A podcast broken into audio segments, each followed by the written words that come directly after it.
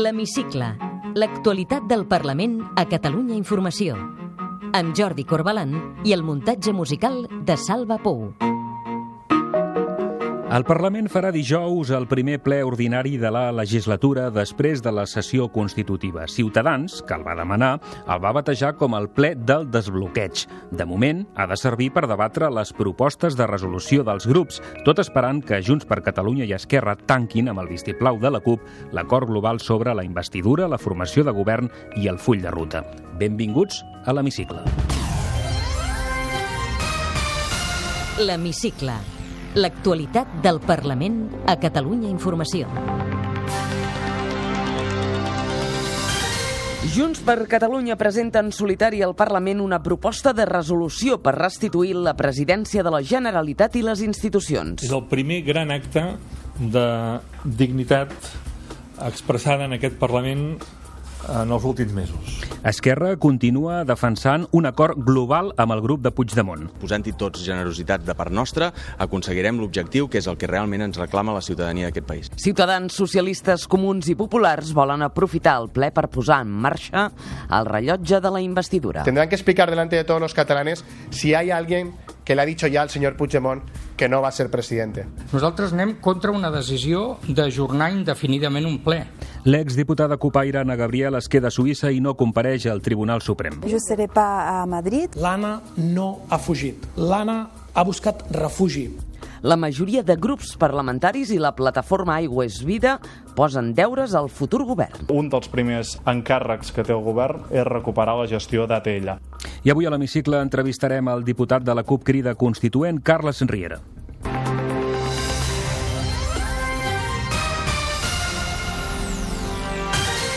El Parlament celebrarà el primer ple ordinari de la legislatura després de la sessió constitutiva. És el ple que va demanar Ciutadans i s'aprofitarà per debatre propostes de resolució presentades pels comuns, el PSC, Junts per Catalunya, Ciutadans i el Partit Popular. Ho expliquem amb Victòria Vilaplana. Junts per Catalunya ha presentat aquest divendres al registre del Parlament una proposta de resolució que proclama el compromís de restaurar la institució de la presidència de la Generalitat. El text constata que el ple disposa de la majoria parlamentària per ratificar la confiança a Carles Puigdemont com a president. També exigeix que cessin les ingerències del govern de l'Estat davant el Tribunal Constitucional, que, segons el text, pretén impedir la materialització de la voluntat democràtica dels representants del poble de Catalunya. La proposta denuncia una destitució il·legal i il·legítima del president de la Generalitat i el seu govern mitjançant l'aplicació de l'article 155 i una deriva autoritària de l'estat espanyol. El portaveu adjunt de Junts per Catalunya, Eduard Pujol, explicava així la significació política de la proposta. Què és aquesta proposta de resolució? Doncs és el quilòmetre zero d'aquesta legislatura.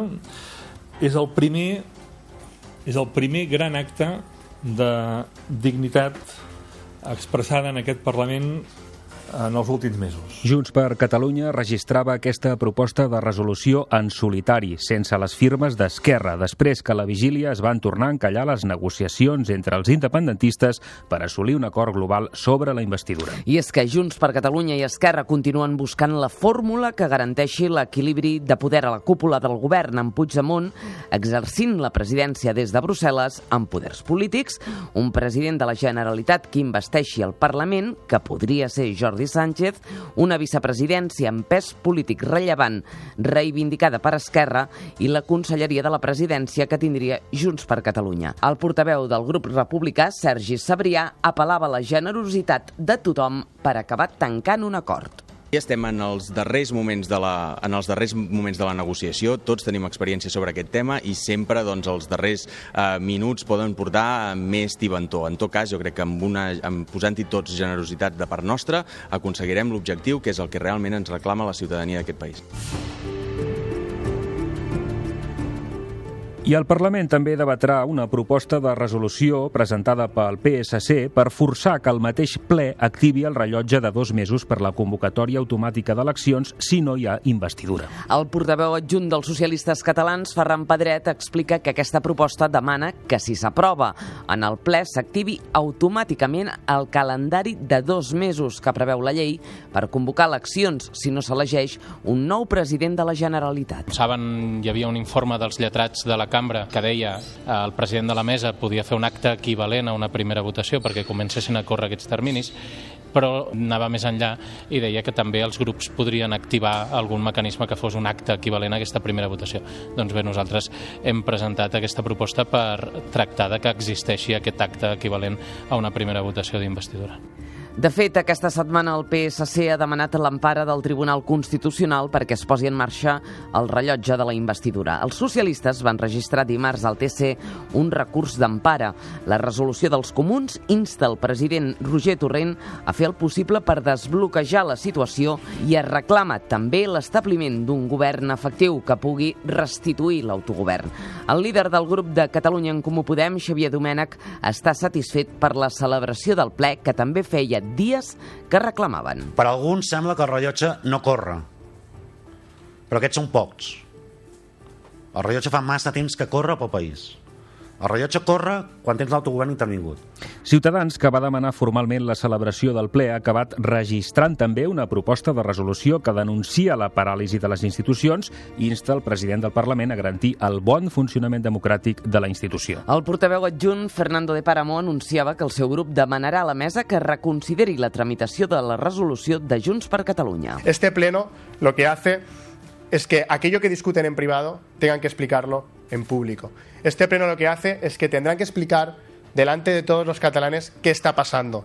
Tendrán que explicar delante de todos los catalanes si hay alguien que le ha dicho ya al señor Puigdemont que no va a ser presidente, porque parece que lo sabemos todos que no va a ser presidente menos el señor Puigdemont. En ese pleno van a tener que dar la cara també el Partit Popular ha decidit presentar una proposta de resolució per demanar també que es posi en marxa el còmput dels dos mesos per esgotar les negociacions per una hipotètica investidura. Sentim el portaveu popular Santi Rodríguez. Creiem que allò que és relevant d'aquest ple és que ens puguem pronunciar específicament sobre l'inici del còmput d'aquests dos mesos per eh, esgotar les negociacions per una hipotètica investidura. L'Hemicicle. El Parlament a Catalunya Informació. L'eventual reforma de la llei de presidència que proposa Junts per Catalunya per investir el president a distància i prendre decisions de govern des de Brussel·les ha tornat a quedar aparcada aquesta setmana. A diferència de la setmana anterior, dimarts sí que el president del Parlament la va incloure a l'ordre del dia de la mesa, però es va acabar acordant encarregar un informe als lletrats de la cambra per aclarir si pot vulnerar les mesures cautelars dictades pel TC. La diputada de Junts per Catalunya, Gemma Geis, explica i espera que l'informe informe dels lletrats arribi amb la màxima celeritat. Nosaltres també tenim pressa doncs, per poder configurar govern i per poder celebrar la sessió d'investidura i en això hi estem eh, treballant eh, al màxim, amb màxima responsabilitat. El popular Alejandro Fernández deixava clar que la reforma de la llei de presidència no tirarà endavant. És absolutament inviable en la mesura que eh, una modificació de la llei de presidència que anés contra les directrius de l'article 155, com hem dit, no entra dintre de l'àmbit competencial actual del Parlament de Catalunya en l'aplicació del 155. L'Hemicicle. L'actualitat del Parlament a Catalunya Informació.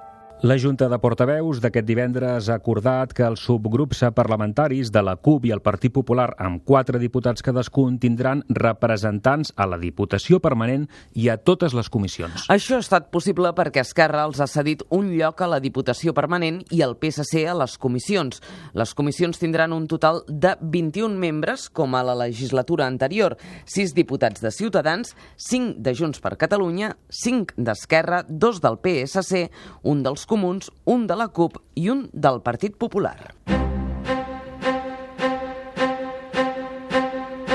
El conflicte català es disputa entre Barcelona, Madrid i Brussel·les i des d'aquesta setmana s'afegeix al tauler un nou escenari, la ciutat de Ginebra. Allà s'ha refugiat de la justícia espanyola l'exdiputada de la CUP, Anna Gabriel. Dimecres no va compareixer davant el jutge Pablo Llarena, que l'havia citat a declarar al Suprem pels delictes de sedició i rebel·lió. Gabriel es queda a Suïssa per internacionalitzar la causa catalana i perquè està convençuda que Espanya no tindria un judici just. En declaracions a TV3 s'expressava així. Marxar del país no és una decisió gens agradable, deixes enrere els teus, és, és dur i dolorós, ho dic per la gent que es pensa que estem passant unes vacances, però el meu compromís està al, al costat de la defensa de la democràcia, dels drets bàsics i fonamentals, i jo crec que des d'aquí puc contribuir a seguir denunciant la situació de les persones que estan en, en, a la presó i de seguir denunciant, en definitiva, la situació d'excepcionalitat. Anna Gabriel ha avançat que si s'acabés executant una ordre d'extradició a petició del govern espanyol, sol·licitarà l'asil polític a les autoritats suïsses. La CUP va fer un acte a Barcelona per expressar el seu suport a l'exdiputada i compartir la seva estratègia jurídica i política. El també exdiputat Benet Salelles és un dels advocats de l'Anna Gabriel. L'Anna no ha fugit. L'Anna ha buscat refugi com tantes altres persones fan avui en el nostre planeta per una persecució política. En canvi, la secretària general d'Esquerra, Marta Rovira, la coordinadora nacional del PDeCAT, Marta Pascal, l'expresident de la Generalitat, Artur Mas, i l'expresidenta de l'AMI, Neus Llobera, sí que han prestat declaració aquesta setmana en la mateixa causa contra l'independentisme. Marta Rovira, la secretària general d'Esquerra, va quedar en llibertat i haurà de pagar una fiança de 60.000 euros. Rovira va explicar que l'1 d'octubre al migdia, veient l'abast de les càrregues policials, es va arribar a valorar suspendre el referèndum. Sentim Rovira, Mas i Lloberes. El que hem explicat és que l'1 d'octubre, al veure la càrrega policial i al veure sobretot les imatges dels ferits, uns quants dirigents polítics vam estar valorant el que passava i el que s'havia de fer. Però el que s'havia de fer no ens va deixar opció. Era evident que havíem de continuar respectant la dignitat, l'enorme dignitat dels ciutadans de Catalunya i era evident que havíem de continuar respectant el compromís democràtic de les institucions públiques del nostre país. Lo he dicho del derecho y del revés. No había un comité estratégico, se nos convocaba a una serie de reuniones de carácter muchas veces informal, con composición de personas variables, en donde se hablaba de política. Pero si los políticos no podemos hablar de política, ¿de qué vamos a hablar? Crec que hi havia moltes confusions del que era l'AMI, del que havien fet els ajuntaments, hem intentat que per tant ha anat molt bé, he contestat totes les preguntes a la línia del que havia dit, que no tinc res a amagar i per tant he volgut explicar-ho perquè crec que el que van fer els ajuntaments i l'AMI en cap cas es pot considerar un acte delictiu. L'Hemicicle. El Parlament a Catalunya Informació. Aquesta setmana al Parlament han passat més coses. La plataforma Aigua és Vida, el moviment veïnal i la majoria de grups al Parlament reclamen que el nou govern recuperi la gestió pública de l'empresa Aigües Ter Llobregat després de la sentència del Suprem que anula l'adjudicació del servei que va fer la Generalitat a Acciona. El portaveu de la plataforma Aigües Vida, Pau Ortínez, i el president de la Confederació d'Associacions de Veïns, Jordi Giró, van compareixer al Parlament. Exigim que es formi govern aviat i que un dels primers eh, encàrrecs que té el govern és recuperar la gestió d'ATL. Voldrà tothom cobrar les seves indemnitzacions, en definitiva són diners, però entenem que això no s'hauria de pagar. No hi ha per què, és una cosa pública i per tant la recuperem. I recuperar-la vol dir que no estava ben fet el que s'ha fet abans. La CUP, els Comuns i el PSC els van donar suport i van anunciar iniciatives parlamentàries perquè es pugui corregir l'encariment del rebut de l'aigua. L'Hemicicle. El Parlament a Catalunya Informació. Carles Riera, diputat del subgrup parlamentari de la CUP Crida Constituent, el grup mix del Parlament. Gràcies per acompanyar-nos avui a l'hemicicle. Un plaer, com sempre, gràcies. Bé, la setmana que ve tindrem ple al Parlament. Aquest ple ha de reconèixer la legitimitat de Carles Puigdemont com a president? Des del nostre punt de vista, i aquesta serà la nostra posició en el ple, eh, aquest ple el que ha de fer és denunciar el cop d'estat del 155, denunciar eh, la repressió, de la que està sent objecte el, el nostre país, denunciar la eh, anormalitat democràtica en què l'estat espanyol està situant la vida política i la vida social a Catalunya, la repressió, cada dia veiem que no només afecta els electes i els càrrecs institucionals, sinó cada vegada, a més, eh, persones i col·lectius del moviment independentista. Això és fonamental. A més, òbviament, aquest ple nosaltres tenim la pretensió que ratifiqui que el que ara toca fer és reprendre aquella tasca que el 28 d'octubre el cop d'estat eh, del 155 va bloquejar. Què havia passat prèviament? L'1 d'octubre un referèndum en què va guanyar la independència i el 27 d'octubre una proclamació de república. Això va quedar interromput. Eh, en aquest ple el que hem de declarar i anunciar és que reprenem la feina i eh, reprenem el treball de construcció republicana. I ara cal que puguem investir un govern republicà amb persones compromeses amb la república i amb un programa de govern republicà. I investir un govern republicà, un programa de govern republicà, tant si li agrada al Tribunal Constitucional com si no. Això passa perquè Puigdemont exerceixi de president d'aquest govern republicà des de Brussel·les, encara que no acabi sent investit? Des del nostre punt de vista, el que hauria de passar és que el candidat que ha guanyat les eleccions i el candidat que en primera instància el Parlament ha decidit que sigui el candidat a la investidura pugui ser investit aquí. Això és el que seria lògic i normal, és a dir, que siguin les eleccions, el poble, i que siguin les instàncies del Parlament, en aquest cas a través del president del Parlament, les que determinin qui és el candidat o qui és la candidata. No pot ser que l'Estat decideixi qui pot ser i qui no pot ser candidat, qui pot votar o no pot votar. En tot cas, si Puigdemont ha de ser o no ser president, això ja ho decidirà el Parlament però en tot cas eh, el que el nostre Parlament ha decidit és que ell sigui el candidat. Sabem que eh, eh, l'Estat no vol que així sigui eh, i ens consta eh, que no hi ha acord entre Junts per Catalunya i Esquerra eh, per tal que, efectivament, malgrat el que diu l'Estat, Carles Puigdemont pugui ser candidat a la investidura. Això ens col·loca en l'escenari eh, d'haver d'assumir una dualitat, no? una doble institucionalitat. Una institucionalitat alternativa a Brussel·les, amb una presidència de la República eh, a Brussel·les, a l'exili, i una institucionalitat en el territori, a partir del Parlament de Catalunya i del de, el govern doncs, que eh, efectivament aquest Parlament acabi de, designant. No? Probablement els acords entre Junts per Catalunya i Esquerra, els acords possibles, ens portaran a aquest doble escenari, aquesta doble institucionalitat, una a Brussel·les i una altra aquí. Des del nostre punt de vista, malgrat que tinguem una institucionalitat alternativa republicana a, a Brussel·les, a, a l'exili, i malgrat la feina que es pugui fer des d'allà, des del punt de vista de promoure la república i d'internacionalització, etc etc, és imprescindible que aquí a Catalunya, en el territori d'aquí, fem república també. És a dir, que les institucions catalanes es posin al servei del poble, al servei del moviment independentista i republicà, al servei dels resultats de les eleccions del 21 de desembre, i aquí també fem república. Aquí també materialitzem i construïm república, i aquí continuem assumint el conflicte i l'embat amb l'Estat. Per tant, si Carles Puigdemont és nomenat a Brussel·les i no és possible, pels desacords entre Junts per Catalunya i Esquerra, que sigui candidat a la investidura aquí, i finalment aquí es produeix una altra proposta d'investidura, des del nostre punt de vista, haurà de ser una candidatura que garanteixi que aquí també farem república, que aquí construirem república i que és una investidura i una candidatura eh, i un govern i un Parlament que tirarà endavant malgrat que el Tribunal Constitucional i el govern espanyol no els agradi i no ho vulguin i disposats a desobeir. Carles Riera, l'acord per a la investidura i la formació de govern, el full de ruta que Junts per Catalunya i Esquerra estan mirant de tancar amb, amb molts entrebancs, per cert, s'està parlant ja amb la CUP? Eh, just avui eh, hem, hem reprès eh, el diàleg. Eh, com vostès saben, eh, nosaltres eh, havíem arribat eh, eh, no a un acord global, però sí que ens havíem posat d'acord en algunes qüestions, en altres, en altres no, eh, en matèria de programa de govern, en problema d'embat democràtic amb l'Estat en matèria d'investidura, etc. i això no es va esdevenir perquè el president del Parlament mm, va desconvocar aquest ple. A partir d'aquest moment nosaltres vam decidir que eh, canviàvem la nostra estratègia negociadora i que ja no faríem més reunions bilaterals o els uns o amb els altres, sinó que els emplaçàvem a tots dos a eh, quan eh, haguessin avançat en un acord, doncs eh, dir-nos-ho i aleshores entrar de nou en negociacions eh, trilaterals, però sobre una base sòlida i ferma d'un preacord entre Junts per Catalunya i Esquerra. Fins avui no s'ha produït una nova reunió trilateral. Nosaltres avui hem fet una crida, hem fet un ultimàtum amb dues forces per, discuteu, per responsabilitat, per respecte al moviment republicà, a l'1 d'octubre, el 21 de desembre. Eh, això no pot seguir bloquejat.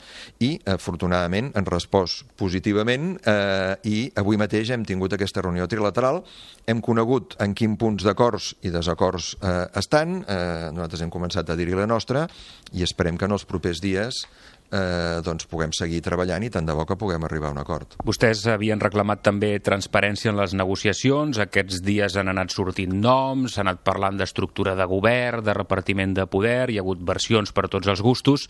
Del full de ruta de la legislatura se'n sap alguna cosa? Els han explicat alguna cosa?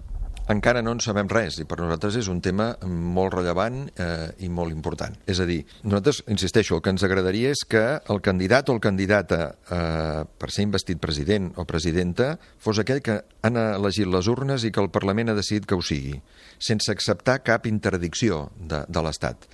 Sembla ser que això no serà així eh, i que eh, s'estan buscant altres fórmules de compromís que passen per, com els deia abans, una institucionalitat i una presidència a l'exili eh, i una altra aquí.